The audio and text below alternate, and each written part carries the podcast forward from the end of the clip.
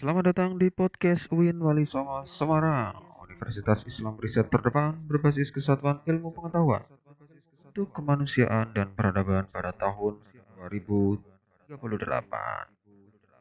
Oke, Sobat Genwa, bertemu kembali dengan saya di podcast ini dan pada hari ini kita akan ngobrol tentang bagaimana UIN Wali Songo Semarang mencanangkan dan terus berbenah agar menjadi smart and green campus.